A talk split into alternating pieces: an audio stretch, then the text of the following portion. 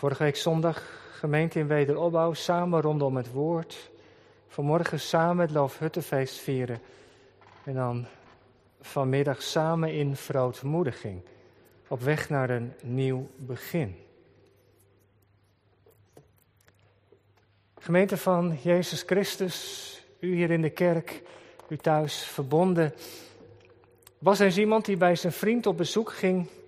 En toen toen hij kwam, trof hij hem nogal somber aan. Een sombere bui. En hij vroeg: Wat is er, joh? Waarom kijk je zo somber? En zijn vriend antwoordde: Omdat ik over de toekomst nadenk.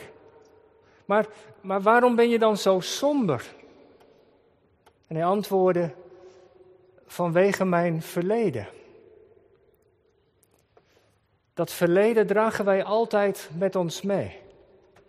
Als we een nieuwe start willen maken op het terrein van ons werk, in een relatie of misschien ook wel wat het geloof, kerkgang betreft, we nemen altijd onszelf mee. Ons karakter, natuurlijk ook ons verleden. En dan wil ik niet zeggen dat ons verleden altijd als een zware last op ons drukt. In veel gevallen is dat misschien niet het geval, gelukkig niet. Maar we hebben er wel altijd mee te maken. Hoe we zijn gevormd, welke opvoeding we hebben gehad, wat onze ouders altijd tegen ons zeiden, welke dingen we hebben meegemaakt. Of we het nou leuk vinden of niet, we dragen altijd ons verleden met ons mee. En juist, juist als je een nieuwe stap wilt maken, dan speelt dat verleden op een of andere manier een rol. En als we vooral negatieve dingen vanuit het verleden meedragen, des te meer. Als we dingen hebben gedaan, keuzes hebben gemaakt die de koers van ons leven bepaalden. En nu terugkijkend denken we, de kennis van u, dat het toch geen goede keuzes misschien waren. Als er bepaalde patronen in ons leven zitten die ons dwars zitten, waar we niet zomaar van los kunnen komen. je kunt zozeer verlangen naar een nieuwe start, maar er zijn ook zoveel dingen die je weer wegtrekken daar vandaan. Nieuwe toewijding aan de Heere God. Nieuwe hoofdstuk in je levensboek. Maar dat verleden. En nu zijn we natuurlijk allemaal heel verschillend, maar ik wil u uitnodigen, ik wil jou uitnodigen om even dat, dat in te denken. Dat je iets van je uit je verleden meedraagt en dat je tegelijkertijd verlangt naar een nieuwe start. Als je nadenkt over de toekomst, waarom ben je dan zo somber? Vanwege mijn verleden. En met deze worsteling zitten we midden in de tijd van het volk Israël. We hebben gehoord, er zijn geweldige dingen gebeurd.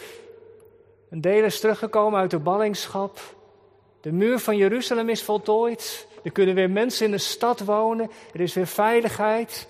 De woorden van God gaan open. Oude profetieën komen tot leven. Het is als het ware een soort opwekking, want het volk begint vanuit zichzelf. Door de geest geïnspireerd zeggen wij te vragen naar het onderwijs van de woorden van God. En ze ontvangen dat door Estra en de Levieten. En dan werkt het woord door en ze gaan het Loofhuttenfeest weer opnieuw vieren, zoals God het had geboden. De bepalingen, verordeningen van de Heere God worden serieus genomen. En toch is er iets wat knaagt. Het volk voelt de last van het verleden. Ze zijn weliswaar teruggekeerd uit ballingschap. God is hen genadig geweest. Maar op een of andere manier zijn ze nog niet, ondanks die nieuwe stap, in het reinen met Hem gekomen.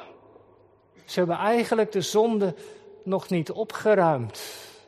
En na dat sprankelende begin is er dan opeens ook de verootmoediging. Dat verleden, ja, dat moet ook een plek krijgen. De zonden die begaan zijn, de verkeerde keuzes, daar moet wat mee gedaan worden. En dat nou gebeurt er in Nehemia 9. Het volk verootmoedigt zich voor de Heere God. Ze beleiden hun zonde zelfs de zonde van het hele nageslacht, alle generaties daarvoor. Alles wat, wat, wat de geest hen in herinnering brengt, komt op tafel. En zo is het ook zeggen wij met de bril van het Nieuwe Testament, de geest overtuigd van zonde. Na die nieuwe start is er dan ook de verootmoediging. Samen één in verootmoediging voor de Heer. En gemeente, dat is belangrijk. Je kunt alleen maar een nieuwe start maken als er ook wat met het verleden wordt gedaan. Met de last die je misschien meedraagt, de zonde die je hebt begaan, de verkeerde keuzes. Is het makkelijk? Nee, dat is vaak een moeilijke stap om, om open kaart te spelen en tegen de Heere God te zeggen: Dit is nou mijn leven. Dit zijn de keuzes die ik heb gedaan. Dit was niet goed. Maar tegelijkertijd is het ook zo bevrijdend. Ik wist het wel, zegt zelfs Jona, dat u een God bent die vergeeft. We mogen dat vandaag als gemeente ook weer proeven in het avondmaal. Brood en wijn spreken nou juist van die vergeving van God. Dat Hij dat verleden van ons, van ons wil afnemen. Hoe beleiden zijn zonde? Nou, dat gebeurt in het hoofdstuk in een lang gebed. We hebben er iets van gelezen. Het is een indrukwekkend gebed als je het nog eens op je laat inwerken. Eigenlijk zou je verwachten dat het net andersom is. Eerst het woord lezen, dan de verootmoediging en dan het loofhuttenfeest. Maar het is net andersom. Ze hebben die nieuwe start gemaakt, maar dan begint het geweten te knagen. En als je dit gebed goed doorleest, zie je dat er twee lijnen zijn. Aan de ene kant gaat het over wat het volk niet heeft gedaan of nagelaten. En de andere lijn over wie God is. Zelfkennis en godskennis, zei Calvijn al, horen bij elkaar. Ze komen in dit gebed ook samen. Allereerst het volk. De eerste lijn waar ik even de vinger bij leg. Als je dat gebed op je laat inwerken, zoals ik al zei, dan valt op hoe concreet het eigenlijk is. Zonden worden heel concreet benoemd. Dat is maar het beste wat je ook kunt doen. Er wordt ook niets achtergehouden. Israël blikt terug naar de geschiedenis die ze hebben meegemaakt van de schepping via de uittocht, de doortocht. En op al die momenten waren daar, ja, die pijnlijke situaties. Vers 16 bijvoorbeeld. We hebben overmoedig gehandeld. Terugkijkend, we zijn koppig geweest. We hebben niet naar u geluisterd. En dat is misschien wel de hoofdzonde. Eigenwijs zijn is dat je zelf bepaalt wat je doet. Of het vers daarna, vers 17. De wonderen die u deed, die zijn we al lang weer vergeten. En met dat dat vergeten wordt, betekent dus dat je ook niks in het heden meer van de Heer God verwacht. Dat hij ingrijpt, dat hij handelt, dat hij betrokken is op het leven. Het is iets van het verleden geworden. Het volk beleidt het. Of vers 26. We zijn ongehoorzaam geweest. We zijn in opstand tegen u gekomen. Wij zeiden tegen u, dat maken we zelf wel uit. De rebellie, zo oud als het paradijs. En zo gaat dit gebed verder.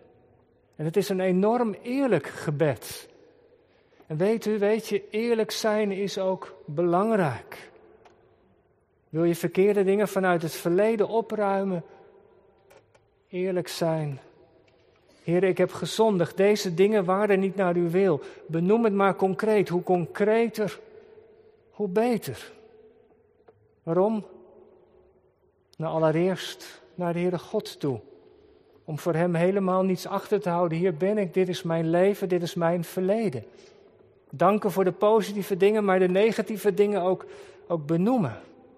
Allereerst voor de Heer, maar weet u, dat is ook de ervaring, denk ik wel.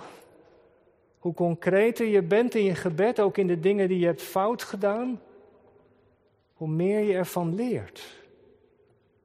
Als je tegen de Heere God zegt, Heere, vergeef mij dat ik zo gemakkelijk boos word en er allerlei dingen uitvloep. En elke keer dat je dat bidt, kijk je dan in een spiegel. En zeg van ja, dat is die nare karaktereigenschap. Heere God, help me, werk eraan, vernieuw mij door uw geest.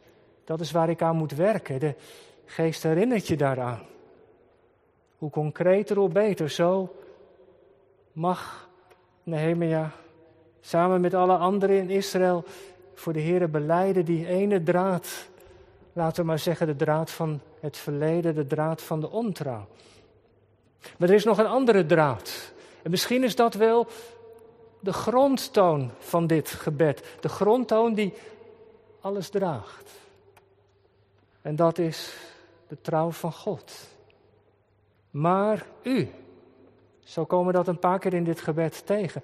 Maar u bent de God die vergeeft. Vers 17. Maar u bent een God die menigvuldig vergeeft, heel vaak. Genadig, barmhartig, langmoedig. Groot van goede tierenheid. Vers 27. Toen wij riepen, toen hoorde u. Vers 31. Door uw grote barmhartigheid hebt u ons niet vernietigd. We er nog, we mochten opnieuw beginnen. U bent ons genadig geweest. Of als je dat hele gebed leest, dan valt op dat het woordje barmhartigheid ook zo vaak tegenkomt. Steeds weer is daar het refrein. Maar u, ondanks de zonde, ondanks de ongehoorzaamheid, weet u, zegt de dichter, beleid Israël, u bent er heren niet van doorgegaan. Vers 31, u hebt ons niet verlaten. Er zit zoveel achter. Want dat is de angst die wij mensen toch vaak hebben. Ze verkeerde keuzes hebben gemaakt. Dat als we ontrouw zijn geweest, dat die ander er vandoor gaat, dat zou misschien helemaal terecht zijn. De angst om verlaten te worden. Als we God zo hebben verdriet gedaan dat we denken, nou ja, hij zal wel niet meer willen luisteren. Wie ben ik? Om überhaupt weer met hem te spreken. Maar God, hij is trouw gebleven. Dat is de grondtoon van dit gebed. Daarom ook dat lied naar de preek. Groot is uw trouw ook, Heer. En ik hoop dat we door dat lied ook meegenomen worden, dat het ook in ons hart komt. Hè? U geeft ons vrede, vergeving van zonde. Dat is een uitroep van verwondering. Helemaal in lijn met dit gebed, u bent er niet vandoor gegaan. U heeft ons vastgehouden. En is dat nou ook niet wat we met het avondmaal vieren? Lieve broeders en zusters, dat de Heere God ons heeft vastgehouden. Hij die zijn eigen zoon niet gespaard heeft, maar voor ons heeft overgegeven. Hij kan die macht van de zon in ons leven breken. Hij weet raad met ons verleden. Als geen ander. Ik vind dat zo bevrijdend. Want wat dragen we allemaal wel niet mee?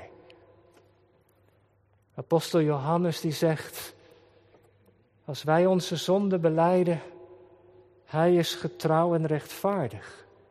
Om die zonde te vergeven en ons van binnen te reinigen. Nou, dat mogen we vanmiddag ook weer proeven. Hij wil ons laten delen zijn vergeving. Als u de uitnodiging aanvaardt en opstaat, denk dan nog even aan het verleden als een rugzak. Die mag je in de bank laten. Je mag opstaan. Of je mag hem bij de tafel neerleggen, om zo te zeggen. Als de zoon u vrij maakt, dan zult u werkelijk vrij zijn. Hij schenkt een nieuw begin. Vanmiddag. Zomaar hier. Ik bid dat de viering van het avondmaal dat in ons uitwerkt. Dat we geraakt worden door het zingen, door het proeven van de geweldige trouw van God en dat het ons leven zal stempelen. Ook morgen als het weer maandag is of donderdag, dat je even terugdenkt, elf uur. Oh ja, waar ging het over? Over de ontrouw van ons mensen, maar vooral over de trouw van onze God. Dat we ons erover verwonderen. Want zo mogen we na deze zondag weer verder gaan, bevrijd van ons verleden, verzoend en hopelijk ook als toegewijde kinderen van God achter onze heiland aan, die de weg heeft gebaand. Laten we daarvan zingen en ons verwonderen. Amen.